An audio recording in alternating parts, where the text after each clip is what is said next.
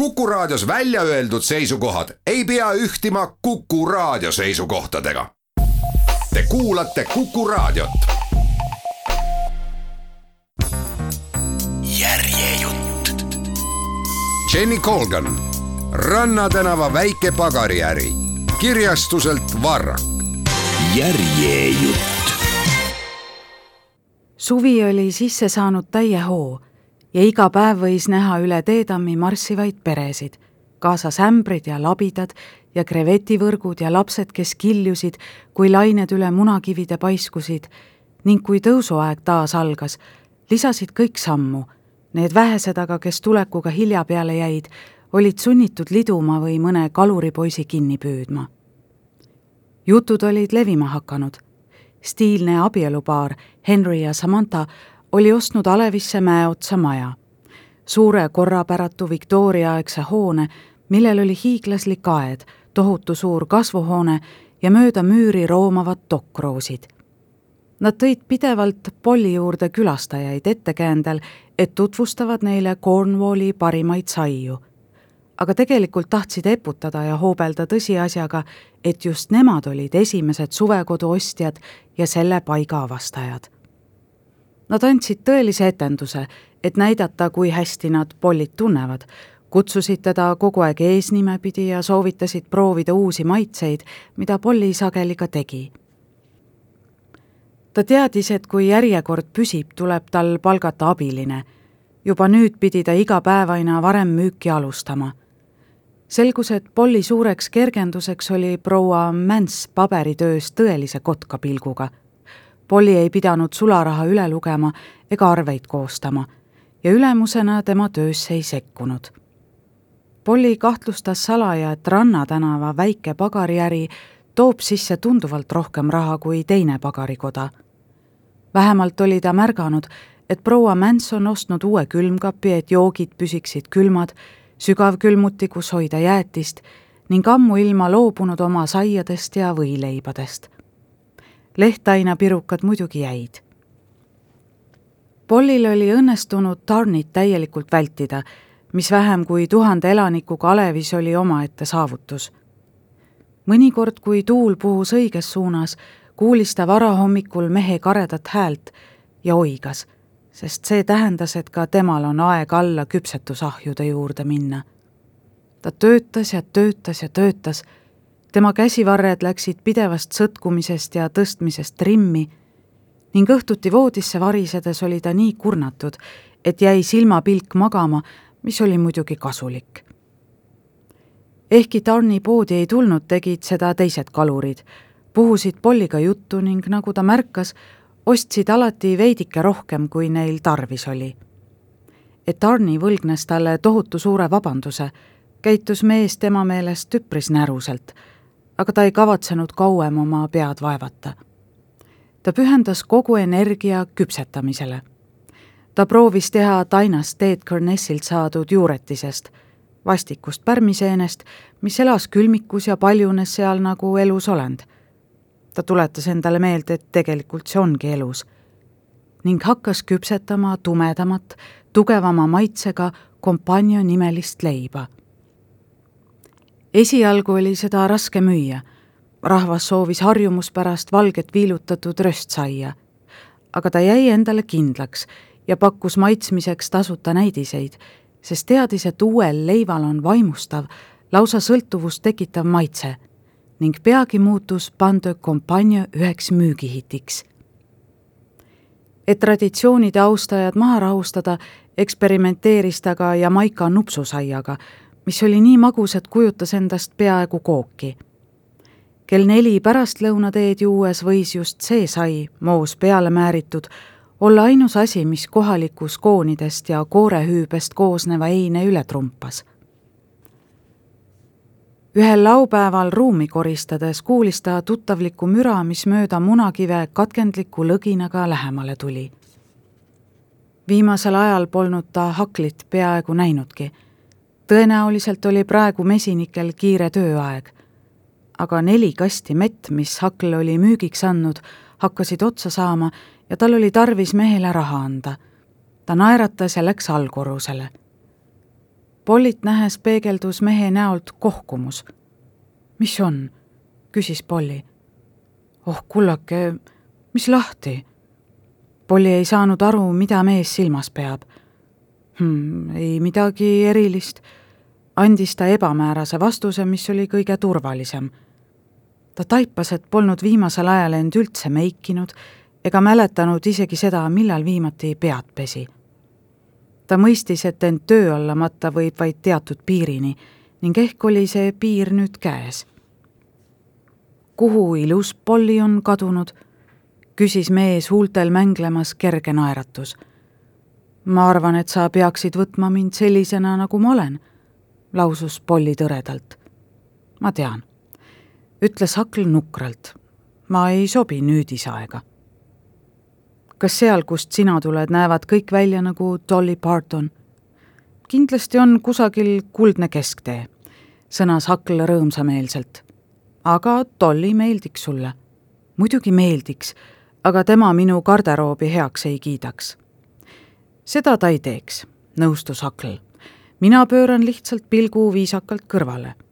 Hakl, hüüatas Polly pooleldi pahasena pooleldi meelitatuna, et mees oli tähele pannud, milline ta välja näeb. viimasel ajal polnud neid kuigi palju, kes seda märkasid. aga oota veidi, ma tahan sulle raha anda.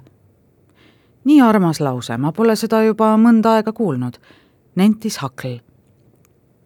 ja ka minul on sulle midagi üle anda aga selleks peame sõitma minu juurde ja sul tuleb magada külaliste toas, sest õhtul algab tõus. mis kink see selline on? küsis Polly põnevusega. mulle ei meeldi, kui ma ei saa koju tulla siis, kui ma tahan. jäta nüüd, ma olen seda hetke oodanud. mida muud sa siin ikka teeksid? asi ei ole selles. Polly vaatas enda ümber ringi. ma loodan, et sinu üllatus on seda väärt. on. Küll sa näed, lubas Hakl. tühista kõik glamuursed plaanid ja tule minuga. ja võta raha kaasa Hakl pidi Alevist veel paar asja võtma, mis andis Pollile võimaluse juuksed kähku ära pesta. fööniga kuivatamise peale ta eriti palju aega ei raisanud, sest nagu arvata oli, tuli tal taas külgkorvi istuda. seinakappi avades tuli talle mõte, et peaks vist ka ülejäänud asjad hoiuruumist ära tooma või neist hoopistükkis lahti saama. aga mõneski mõttes oli nii väheste asjadega kergem elada ta oli harjunud hakkama saama juuksesirgendajateta, tal oli üksainus käekott ning ta polnud kogu sellest kraamist kordagi puudust tundnud. ta kammis vähe kasutust leidnud kapi sisu läbi. tööd tehes kandis ta enamasti teksasid ja T-särke ning oli järsku üllatunud, kui palju rõivaid, mida ta oli kunagi hädavajalikuks pidanud, seal tegelikult leidus ta libistas sõrmedega üle stiilsete õhtutoppide, tumedate töökostüümide ja lumivalgete pluuside. oli ta tõesti kunagi nii palju triikinud? kõik need rõivad näisid ebamugavana, neil oli liiga palju nööpe ja kangas kare. tal oli raske meenutada Pollit, kes oli nõnda riietunud, selline välja näinud. Kerensa mäletab seda kindlasti paremini tema ja Kerensa olid vanasti käinud koos maniküüris, vahel isegi kosmeetiku juures. teda ajas naerma mõte, et võiks praegu lasta sõrmeküüsi lakkida. ta heitis pilgu oma küüntele. Need olid kandilised ja lühikesed, sest pidevalt ainast sõtkuvaid käsi oli nõnda lihtsam puhtana hoida. õhku paiskus pahvak tema lemmikparfüümi, Chanel'i Eau de Premiere'i ja äkitselt kerkis Polli vaimusilma ette veider mälupilt ajast, mil ta pärast vanaema surma tema kappe koristas. tookord oli tal raske uskuda, et vanaema on surnud, sest tema lemmiklõhn oli kõikjal tuntav. muidugi oli see mõte rumal. Polli ise polnud surnud. aga ometi tekkis tal praegu miskipärast tunne, justkui silmitseks mõne ammu surnud inimese garderoobi ta raputas tobedate mõtete peale pead ja kammis läbi oma juuksed. Need olid pikemaks kasvanud ja ulatusid tükk maad õlgadest allapoole. üldjuhul oleks ta need lihtsalt hobuse sabaks sidunud, aga täna õhtul juustel loomulikul teel kuivada lastes tõmbusid need lokki ja ta jättiski need lahti. kunagi kauges minevikus oleks ta lokid halastamatult sirgeks sikutanud, aga nüüd polnud ta nende vastu enam pooltki nii kuri. Puudutamata rõivaste rea lõpus oli üks vana suvekleit, mille Polly oli pikkadel talvekuudel täiesti ära unustanud ning enne seda vaid paar korda kandnud. see oli retrostiilis, kahvatu lillemustriga, pehmest puuvillasest kangast, pika seeliku osa ja ilusa paatkaelusega. kleit polnud tema tavavalik.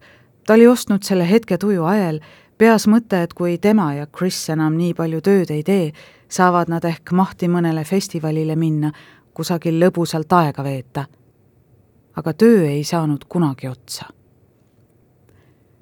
Polly tõmbas kleidi üle pea ja üllatus, et see nii vabalt keha ümber langeb. ilmselgelt oli pidevast jahukottide vinnamisest kasu olnud ning läks vanni kõrvale toetatud logiseva peegli ette, et end täies pikkuses näha. ta märkas, et varbaküüsi oleks tarvis lakkida, aga mis ülejäänud puudutas, ta kandis kähku näole õhukese kihi jumestuskreemi jättis nina peale tekkinud pisikesed päikeselised tedretäpid katmata, vanasti peitis ta need täielikult kreemi alla, muutis silmad süsimusta dušikihiga suuremaks ja värvis huuled korallpunaseks. seejärel lükkas ta päikesest pleekinud punakas-blondid juuksed kõrva taha ja kinkis endale prooviks naeratuse. Vabandage, maam, aga ega te ei tea, kust ma preili Polly Waterfordi võiks leida Hakl, jäta järele, see olen mina, vastas Polly teda kaasa võetud karbitäie ja maika nupsusaiadega visates. nojah, tavaliselt näeb ta välja nagu tööori, nii et sina, tuhka Triinu, ei saa küll olla tema. Polly tajus, et punastab ning lasi pilgul enne külgkorvi ronimist ringi käia. nagu ikka, hakkasid sadamasse kogunema kalurid, et öisele püügiretkele minna Polly mõtles, et nüüd saab ta külge kohutava maine. aga sinna polnud miskit parata. tal oli tunne, et tahaks neile kõigile keelt näidata.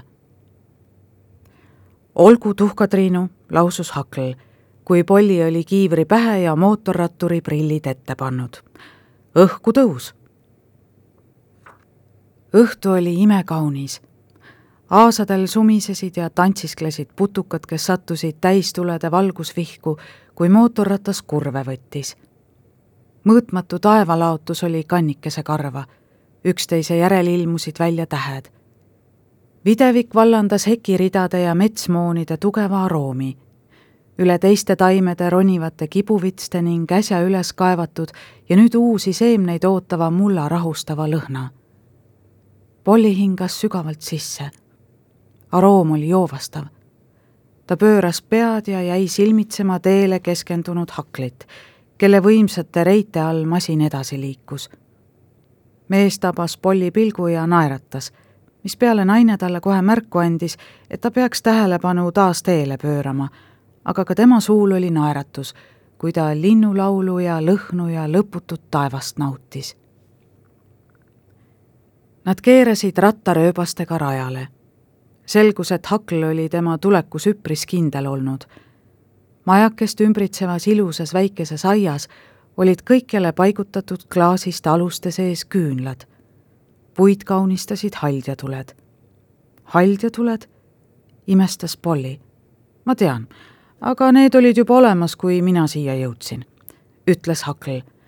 ma mõtlesin, et kasutan neid senikaua, kuni suuremat sorti elektrilühis tekib aga Polly ei saanud pikaks ajaks sarkastiliseks jääda. väike maja nägi välja hingematvalt kaunis. õhtu oli ikka veel soe, aga Hakl läks veidi kaugemale, süütas Sipo välgumihkliga tule väikeses söepannis, kus ärkasid ellu leegid. Polly jäi teda pilukil silmadega vaatama. see kõik jätab väga võrgutava mulje, lausus ta. ma tean ütles Hakl tema sõnu tõsiselt võttes. võta vastu minu siirad vabandused. ma ise taipasin ka alles nüüd. seda poleks pidanud juhtuma. asi on lihtsalt selles, et äh, Ruben sõitis ära. kas sina tahad koju minna? seda ma ei öelnud, sõnas Polly. huvitav, kas mina olen siis Rubini järel teine valik? ei, kinnitas Hakl. Ma kaunistasin õue tema jaoks ära, sest muidu muutub ta pirtsakaks. palun vabandust. Polly naeratas. õhtu oli soe, aga ta nihkus sellegipoolest tulele lähemale. seal oli veelgi mõnusam. lase siis tulla, näita mulle oma imelist üllatust ja kui see on kahekülgkorviga mootorratas, siis sellega sa mulle erilist muljet ei avalda. ei, ei, lausus Hakl majja kadudes. Uuesti nähtavale ilmudes hoidis ta käes kaht suurt kruusi ja suurt savikannu. minust tärkas juba huvi, ütles Polly. Hakl pani kannu nende vahele lauale ja tõmbas kaane pealt. Polly kummardus ettepoole, et nuusutada, aga tõmbus seda maid tagasi ossa, hüüatas ta. täpselt nii, lausus Hakl. see on, mis see on?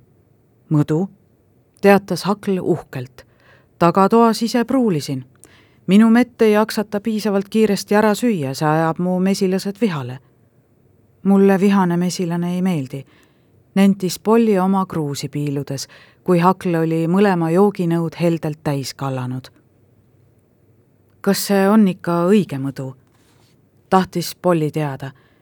kas seda peabki jooma õllekruusidest, võib-olla on see pigem veini moodi? Hakl jäi talle otsa vaatama. Kas sa viikingite filme pole näinud? seal juuakse mõdu liitrite kaupa, kuni tekib ahaa-moment. ahhaa, ütlesid mõlemad kanne kokku lüües. Polly võttis lonksu mõdu. muidugi oli see kange, aga maitses suurepäraselt soe, magus, mesine, aga tugeva aroomiga. Vau, ütles ta. ta heitis pilgu Haklile. tead, see on imehea. aitäh, tänas Hakl näost särades. mul läks tarvis päris palju plastkanistreid. ma arvan, et sul õnnestuks seda ka müüa. mulle meeldib sinu mõtteviis, sõnas Hakl. Nad lõid uuesti kruusid kokku misjärel meenus Pollile, et pidi Haklile meemüügi eest raha andma, mille üle mehel oli samuti hea meel, ning nad jäid hämarduvas õhtus mõnusasti lobisema. Veidi hiljem ajasid nad end püsti ja hakkasid otsima kohalikku juustu, et nautida seda Polli toodud saia ja tohutu suure kausitäie maasikatega, mis Hakl oli korjanud lähedal asuva talupidaja põllult vastutasuks paari purgi mee eest ma olen peaaegu täielikult vahetuskaubanduse peale üle läinud, ütles ta. Polly tõusis ning sai kohe aru, et on purjus. see kraam oli tapvalt kange. Mulle tundub, alustas ta pehme keelega, et keegi on mu jalad ära varastanud. see juhtub iga kord, kui ma mõdu teen, lausus Hakl, tuues puterdades kuuldavale sõnu, mis olid tal juba suus sassi läinud ma peaksin pruulima midagi sellist, mis jätab inimesele alles tema jalad või siis annab talle kellegi teise omad. mulle meeldiksid El MacPhersoni jalad, nõustus ülilõbusaks muutunud Polly. oh, hüüatas ta järsku, vaata!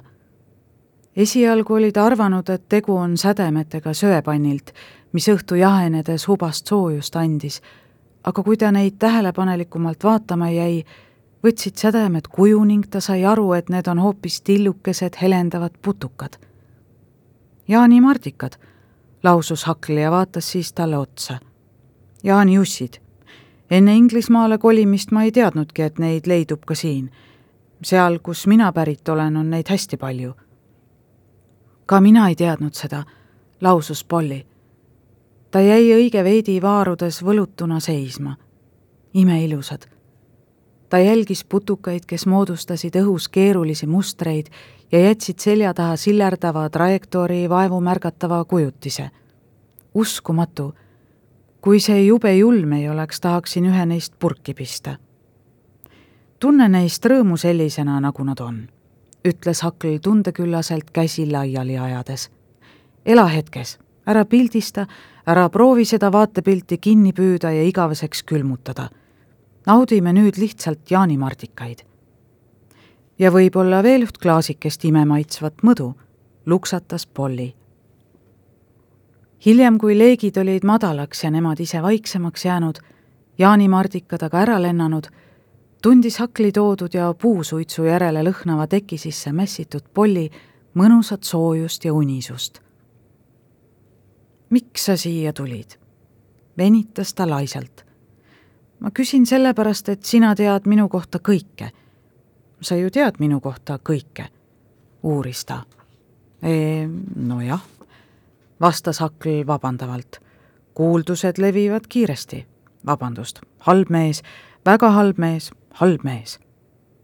muide, mul polnud õrna aimugi, et jah-jah, halb mees. tead ma poleks eluilmaski teinud midagi sellist. kuidas on võimalik kellelegi midagi niisugust teha ning minna seejärel koju oma voodisse? kas ta tõesti meeldis sulle? küsis Hakl vaikselt. Polly tõi kuuldavale sügava ohke ja kallutas pead tahapoole senikaua, kuni nägi tähti. ma polnud ju temasse armunud ega midagi, aga viimasest korrast oli möödas nii palju aega, mõistad, ja mul on nii raske olnud. ja nii ma siis mõtlesingi, et miks mitte, see võib mulle natukene rõõmu pakkuda. ma olen tõeline idioot. suurema osa oma täiskasvanu elust olen ühel või teisel moel olnud ainult oma eksiga ja ma, ma ei tunne reegleid, tõepoolest ei tunne. ma ei tea isegi seda, kas need on vahepeal muutunud ma olen nagu mõni maakas, kes satub esimest korda elus linna ja kaotab kogu oma raha kellelegi, kes tänavanurgal kolme kaardi Montet mängib. Hakl puhkes naerma. just, lausus ta. sina oled terves maailmas esimene ja ainus, kes selles vallas on eksinud. Polli naeratus oli viril ja,. jah-jah, aga minu teost on teadlik kogu Alevi rahvas ja kõik mu uued tuttavad, kelle poolehoid kuulub täielikult sulle, kui see sind muidugi lohutab. Jaden on kõige rohkem viha laetud. ma arvan, et ta on sinusse armunud, sest talle meeldivad vanemad naised. oh hüüatas Polli pead langetades. sõnast armunud aitab, on ju? olgu, nõustus Hakl. ja Tarni on õnnetu. väga tore, ütles Polli. Oh jumal küll, see kõlab kohutavalt. ma lihtsalt, kogu see lugu on äärmiselt piinlik, muud ei midagi. tõsiselt piinlik. ma tunnen end nagu mõni napakas plika. mina sind selleks ei pea, sõnas Hakl. ei pea või? küsis Polly lootusrikkalt. ei, mina arvan, et sa oled napakas täiskasvanud naine. Polly viskas teda diivani padjaga, mille mees naerdes kinni püüdis. Lase tulla, ütles Polly. sulle on nüüd teada kõik minu vastikud väikesed saladused. tõepoolest kõik? Polly jäi talle otsa vaatama. sinu kord mehed ei koli niisama heast peast kusagile mujale, kui neil selleks vähimatki põhjust pole. nii et räägi see lugu ära. või muidu, teed mõnele jaanimardikale halba? ei, ma, ma saan sinu peale väga kurjaks. juba värisen hirmust. Ja räägin kõigile, et sa pissid oma mõdu sisse. seda sa ei teeks. eks pane mind proovile. Hakl põrnitses teda viivu veidra pilguga seejärel vaatas ta tulle ja tõi pikki jalgu enda ette välja sirutades kuuldavale pika ohke. pagan võtaks, ütles ta. võib-olla hakkab mul tõesti kergem, kui ma selle loo ära räägin. Polly kinkis talle julgustava naeratuse.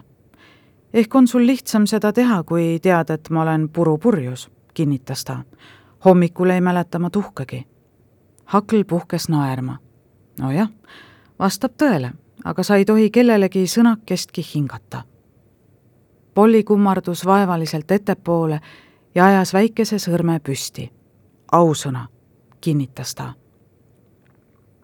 Hakl sirutas välja suure sooja väikese sõrme ja nad põimisid sõrmed pühalikult kokku. ausõna. mees täitis uuesti nende kruusid. olgu, lausus ta. kunagi ammu olin ma tegevdirektor Savannas, mis asub Georgia osariigis ehk paigas, kus ma üles kasvasin. ja see töö meeldis mulle, koormus oli suur, puhkust polnud, töötunnid hullult pikad, aga ma olin noor ja osav ning armastasin oma ametit, nii et selline elu sobis mulle, mõistad? Polly noogutas. ka mina mäletan niisugust elu, lausus ta, aga jäi kohe vait, et mees saaks jätkata. ja töö juures kohtasin ma üht tüdrukut, õigemini naist, Candissi. ta oli, on ilus, väga nutikas, haarab kõike lennult.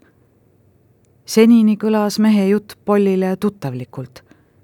naine võttis mõtlikult lonksu mõdu. ja juhtus see, et ma armusin ülepeakaela. järelikult just sellised naised talle meeldivadki, tabas Polly end veidi nukrameelselt mõttelt. ja meie tunded olid vastastikused, täielikult, ning me tegime igasuguseid plaane, kuidas me koos kõvasti tööd teeme ja palju raha teenime ning ehk ühel heal päeval abiellume, kulutuste pealt kokku hoiame, mesinikuamet huvitas mind juba tollal ja nõnda edasi. Polly noogutas idee näis olevat suurepärane. seda arvasin ka mina. järgnes pikk paus. ja siis? ja mis sai edasi? paistab, et harjumuspärasest elustiilist loobuda on raskem, kui ma arvasin. igal aastal ütles ta järgmisel aastal, järgmisel aastal. Ning siis teda edutati ja ka mind edutati. Siis soovis ta saada lahedat uut Lexust, siis lahedat stiilset katusekorterit kõrghoones, siis hakkasime mõlemad sageli töölähetustes käima, siis ei saanud me teineteisega enam üldse koos olla, siis käisime läbi kõik kallid restoranid ja baarid.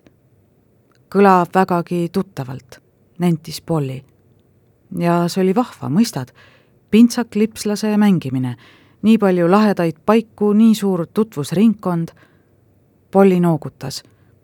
see oli vahva. ja edasi? Hakl kehitas õlgu.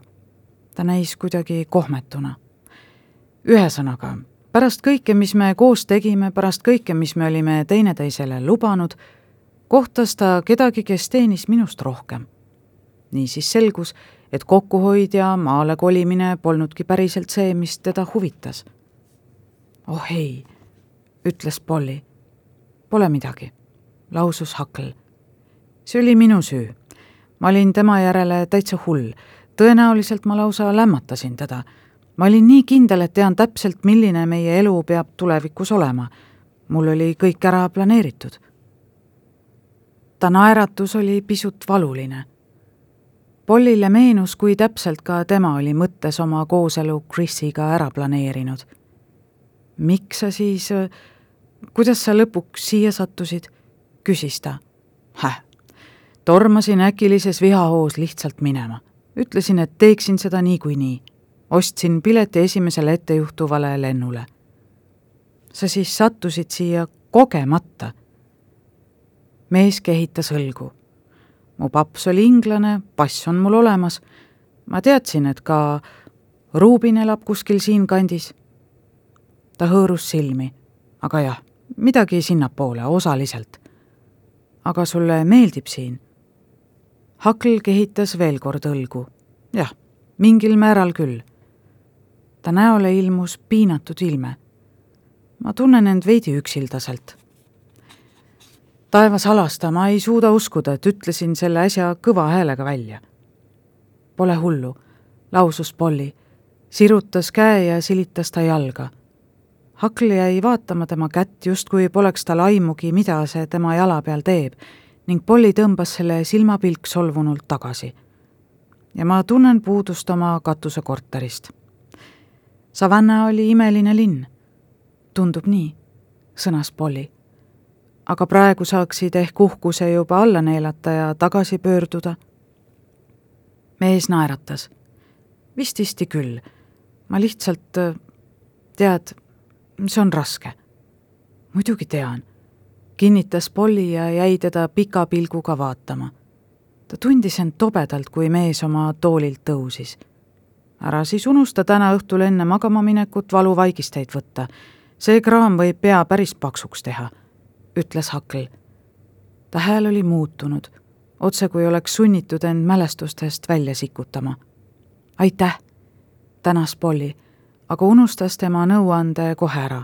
nii et jah, kui ma tegelen millegi muuga, tunnen end palju, tunnen end palju paremini, lausus Hakl. palju paremini siis on hästi, ütles Polly. Ta segas kustuvaid süsi ja vaatas seejärel mehele otsa. Nende vahele korraks tekkinud lähedus oli haihtunud. aga ta oli rõõmus, et vähemalt teadis, nende vahel polnud nüüd enam saladusi. mis siis ikka, ütles ta tuju tõsta püüdes. see lugu polnudki nii hull, nagu ma arvasin. ma mõtlesin tõepoolest, et sa lasid Riinos mõne mehe maha ja vaatasid pealt, kuidas ta sureb. Hakl justkui naeratas põgusalt, aga see oli ka kõik. seejärel jäi ta ainitise pilguga silmitsema tuld, justkui oleks Polli kohalolek unustanud. Polli püüdis ette kujutada, milline Candice võib välja näha. ta oleks võinud kihla vedada, et naise küüned on alati lakitud. ja kuidas Hakli armas unistus maal elavast perekonnast oli nii hapuks läinud ta ohkas. olgu, ma lähen siis sisse, lausus ta. Hakl oli kena väikese ühe inimese voodi talle üles teinud.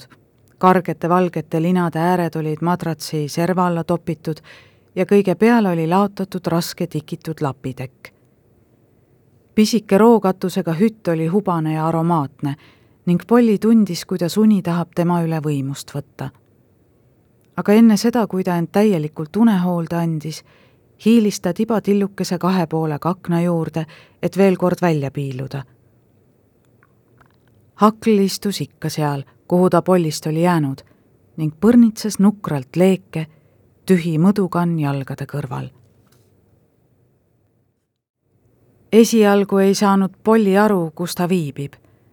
väikesest aknast hoovas sisse kuslapuu vänget lõhna ja õhk oli täis suminat tunda oli teistki imelist aroomi, sest kohv oli tõmbama pandud ning peagi lisandus sellele peekoni praadimise lõhn.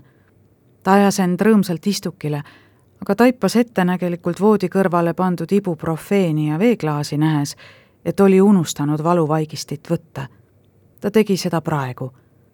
läbi kardinate paistis sisse ere päike. ohoo, ütles ta väikest võlvkaarealust puitust lahti lükates Hakl oli juba üleval, seljas avarad farmipoisi tunked, mille all polnudki T-särki. Vaatepilt oleks pidanud olema naljakas, aga tegelikult mõjus päris armsalt. rinnakarvu polnud mehel just palju, aga need olid pehmed ja kuldsed. Pollil tekkis miskipärast tahtmine neid silitada ja ta pani käed kähku selja taha. hommikust Hakl kinkis talle laisa naeratuse. hei mehel näis olevat palju parem tuju kui eelmisel õhtul ja käitumine jälle sama muretu nagu ikka. Kuidas läheb? küsis Polly. ehkki tunked annavad juba vastuse.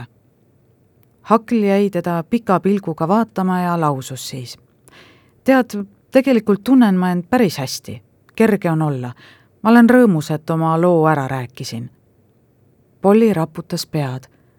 väga võimalik, et sa pääsesid halvimast ehk polnud te lihtsalt teineteise jaoks loodud. Hakl noogutas. nojah, selge see, just nii ma katsungi mõelda. headel päevadel. nojah, kuidas sina end tunned? halvasti, vastas Polly. ma unustasin eile õhtul vett juua ja ibuprofeeni võtta ja nõnda edasi. palun, ütles Hakl. ta kallas Pollile suure klaasi õunamahla. joo ära ma arvasin, et teie, jänkid, armastate apelsinimahla. Teie apelsinimahl on kirjeldamatult halb, sõnas mees. Selle sees on viljalihatükid, teie õunamahl aga vastab enam-vähem standardile. Polly kulistas kogu mahla tänulikult alla. palju parem, teatas ta. maja uks oli pärani ja päikesevalgus voogas sisse. alanud oli säravalt kaunis päev. kohvi, jah, peekonit, jah pannkooke? oo jaa, ma vist armastan sind, ütles Polly. See oli mõeldud naljana, aga väljaöelduna kõlas täiesti kohatult. ma mõtlen pannkooke, parandas ta kiiruga. sul on ju tunked seljas, ma armastan pannkooke. tõtt-öelda on see kombinesoon kui pannkoogid valmis said, olid need väljast krõbedad ja seest pehmed ja kohevad ning Hakl serveeris neid praetud peekoni ja paksu vahtrasiirupi triibuga. tead, see on minu elu parim hommikusöök, teatas Polly täis suuga. tõsi jutt, kui sa peaksid kunagi rahast lagedaks jääma, ava külalismaja, ma koliksin kohe sisse. Hakl naeratas.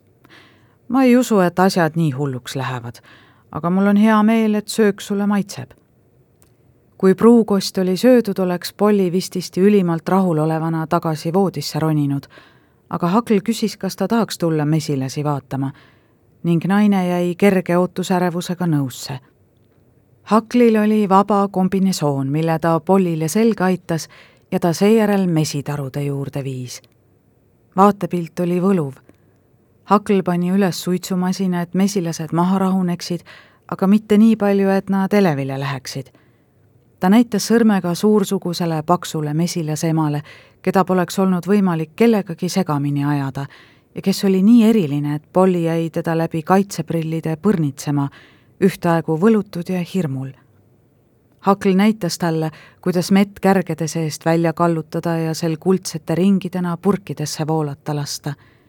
ning neid ümbritses magus lõhn ja sumin ja õitsvad metsalilled ning Pollil oli tohutult hea olla aga kui kätte hakkas jõudma keskpäev, teadis ta, et peab tagasi sõitma.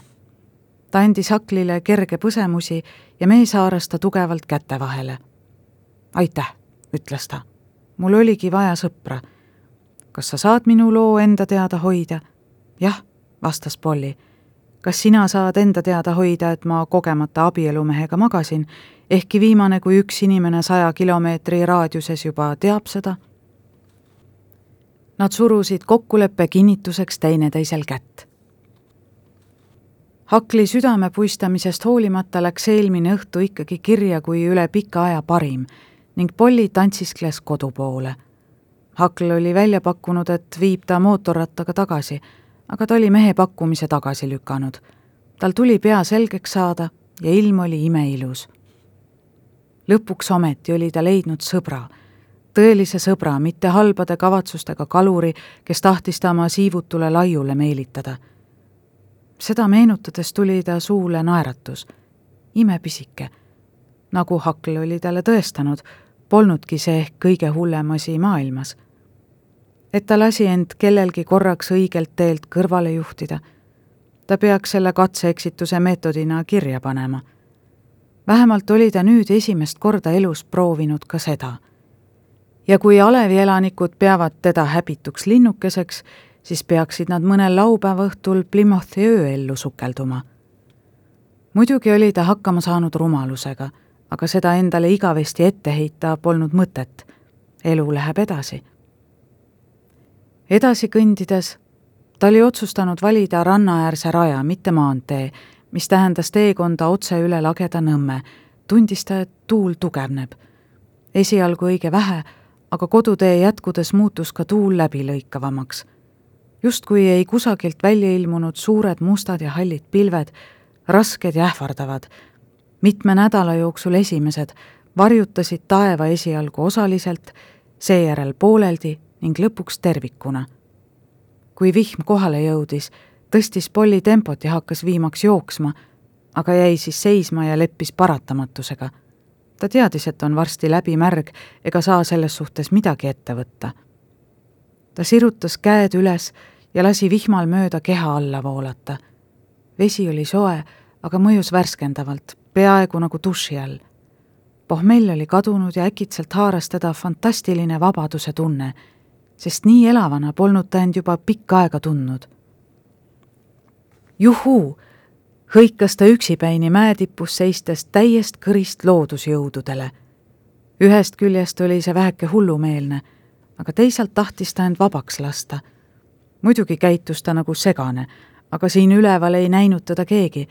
pealegi oli uskumatult mõnus päästa valla kogu masendus, mis temasse viimaste kuude, jeerum lausa viimaste aastate jooksul oli kogunenud. juhuu, möirgas ta taevale ta keerles hiiglaslike raskete vihmapiiskade all ringi ratast. hakkas parem, kostis vaikne hääl.